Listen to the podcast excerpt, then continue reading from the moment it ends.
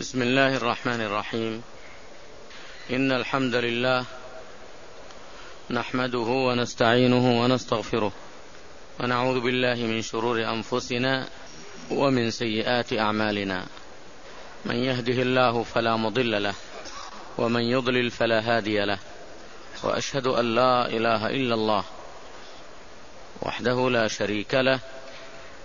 أشهد أن محمدا عبده ورسوله صلى الله وسلم وبارك عليه وعلى آله وأصحابه ومن دعا بدعوته وسار على نهجه إلى يوم الدين.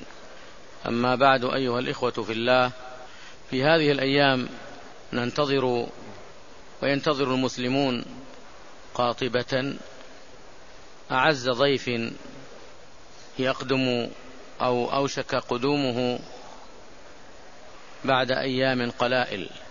ضيف عظيم شرفه الله سبحانه وتعالى وميزه جدير بالتكريم والإكرام. وتكريمه لا يكلفنا شيئا ولا يتطلب منا أمرا فيه مشقة. وإنما يتطلب أمرا سهلا في ميسور كل مسلم إذا أعانه الله سبحانه وتعالى ووفقه. هذا الضيف الذي ينتظره المسلمون بفارغ الصبر هو شهر رمضان المبارك. شهر رمضان الذي أنزل فيه القرآن. هدى للناس وبينات من الهدى والفرقان. وعلى المسلم أن يجتهد في استقباله وتكريمه وإعطائه حقه. كان رسول الله صلى الله عليه وسلم يبشر به أصحابه بل ويستعد له حيث يصوم أكثر أيام شهر شعبان. ليؤجر المسلم ويضاعف له الأجر وأيضا ليكون ذلك استعدادا للصوم والعبادة والطاعة التي يكرم بها هذا الضيف الذي ميزه الله تبارك وتعالى على غيره. ما قلت إن النبي صلى الله عليه وسلم يبشر به أصحابه وكلهم يسأل الله تعالى أن يبلغهم إياه ثم يوفقهم فيه للصيام والقيام على الوجه الذي يرضيه.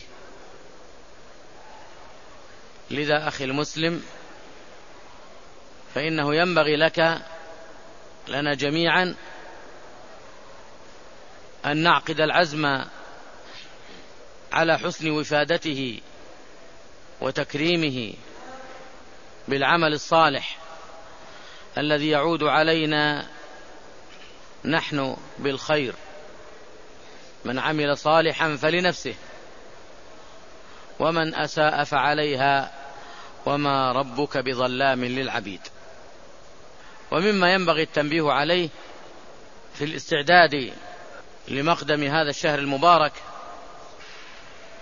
اولا الاستعداد له بتحقيق التوحيد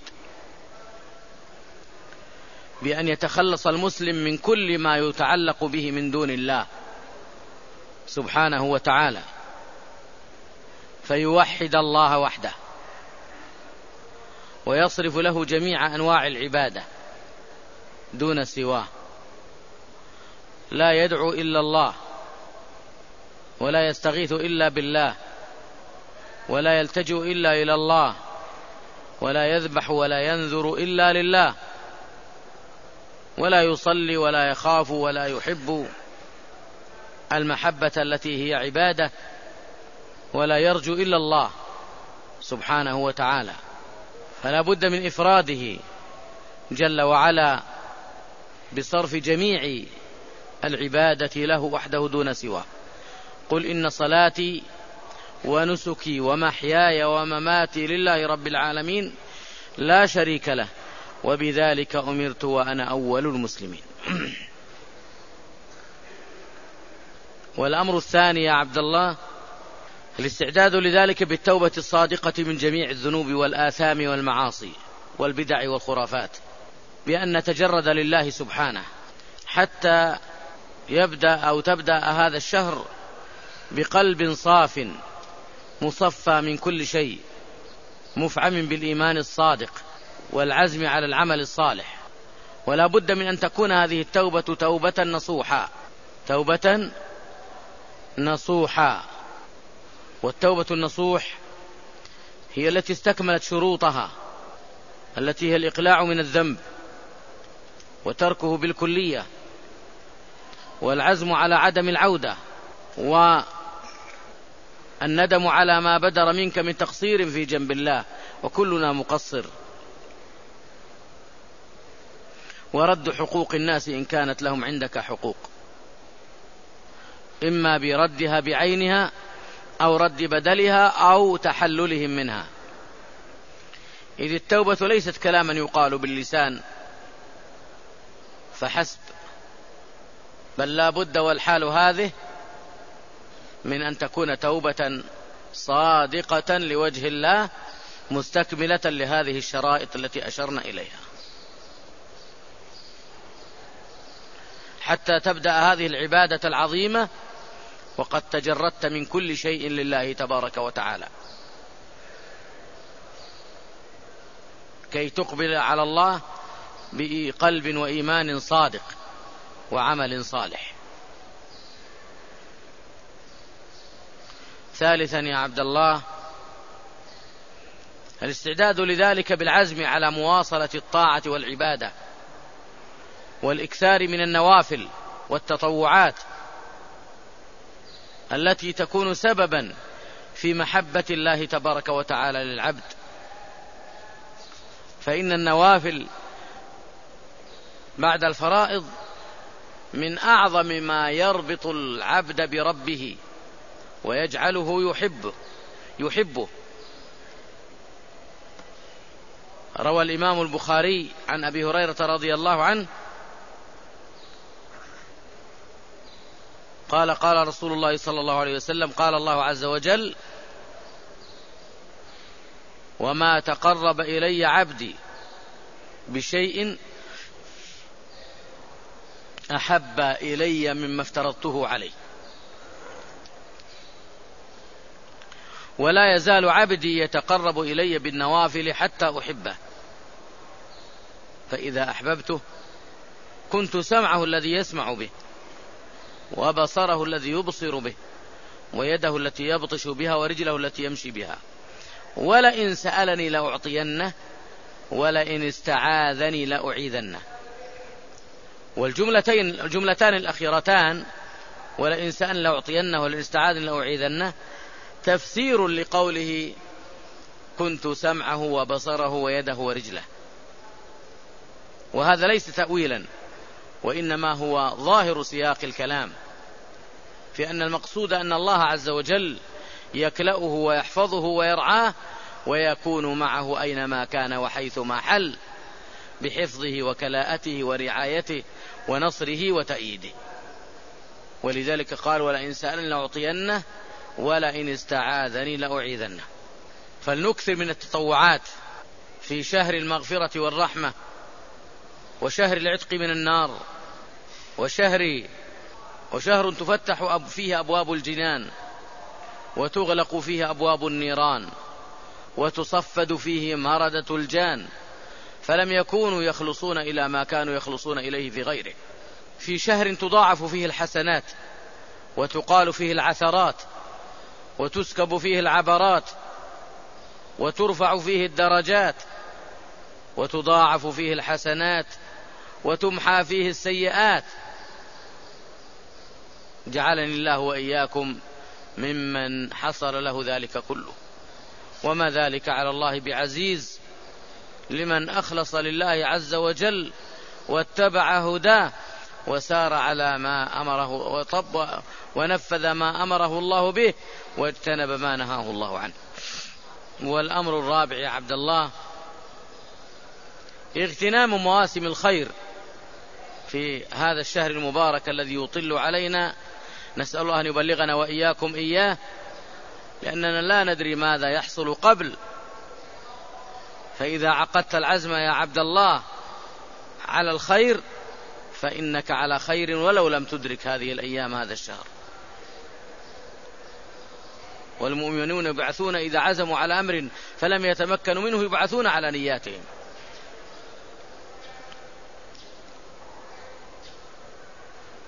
فلا نضيع الأوقات في رمضان. بل نستغل ذلك بتلاوة القرآن والذكر والإنفاق والصدقات والجد والاجتهاد في طاعة الله عز وجل وصلاة الليل والكلمة الطيبة. نكثر من تلاوة القرآن الذي فيه طمأنينة القلوب وفيه حياة القلوب وفيه الخير كله. وليس المقصود وليس المقصود يا عبد الله أن تسرع وتهذ هذا وتهذ هذا القراءة بدون تمعن وتدبر. لا يا عبد الله. بل لا بد من التدبر والتأمل. ولا بد من التفكر والوقوف عند الوقوف عند كل رأس آية. إذا مررنا بآية رحمة سألنا الله من فضله. وإذا مررنا بآيات عذاب وغضب استعذنا من بالله عز وجل ولجأنا إليه. كما هو هدي رسول الله صلى الله عليه وسلم. أما الذين يهذون هذا ويتحدث بين الناس ويتبجح أنه ختم في ليلة أو في ليلتين هذا ليس هذه ليست قراءة. ولا يلزم أن تختم في ليلة أن تختم في ليلة أو ليلتين. وأقل ما يمكن فيه الختم في ثلاث ليال. هذا هو الذي ثبت عن السلف. هذا أقل ما وجد وأقل ما يتصور. إذا كانت القراءة قراءة سليمة يقف صاحبها عند كل آية ويتأمل ويتدبر أفلا يتدبرون القرآن أم على قلوب أقفالها؟ تتحرى الخير في هذه الأيام المباركة. ولا تضيع ولا تضيعن وقتك سدى. فإن من الناس من هو محروم والعياذ بالله. إذا أقبل رمضان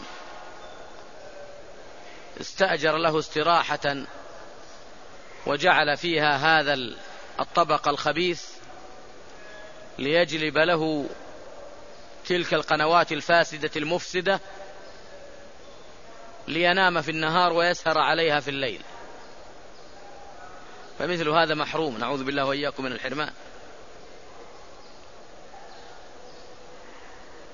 يسهر على تلك الأطباق ويشاهد ما يفسد قلبه وعمله ويضيع وقته.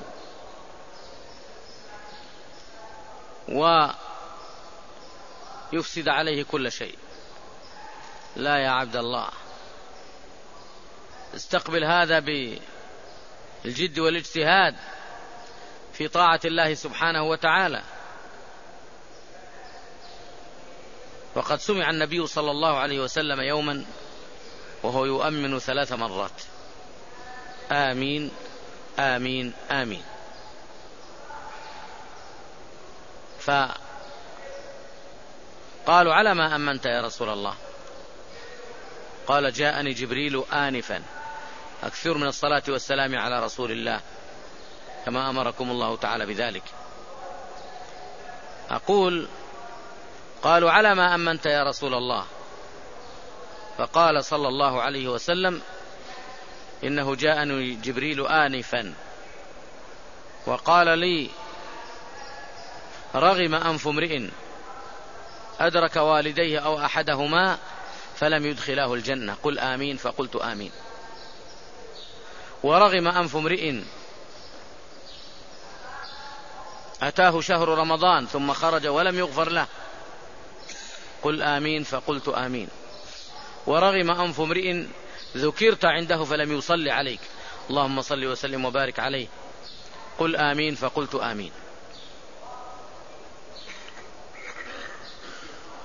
إذا يا عبد الله علينا أن نهتبل هذه الفرص وأن نغتنم هذه الأوقات قبل أن يأتي ما يضادها. عندها لا ينفع نفسا إيمانها. لم تكن آمنت من قبل أو كسبت في إيمانها خيرا.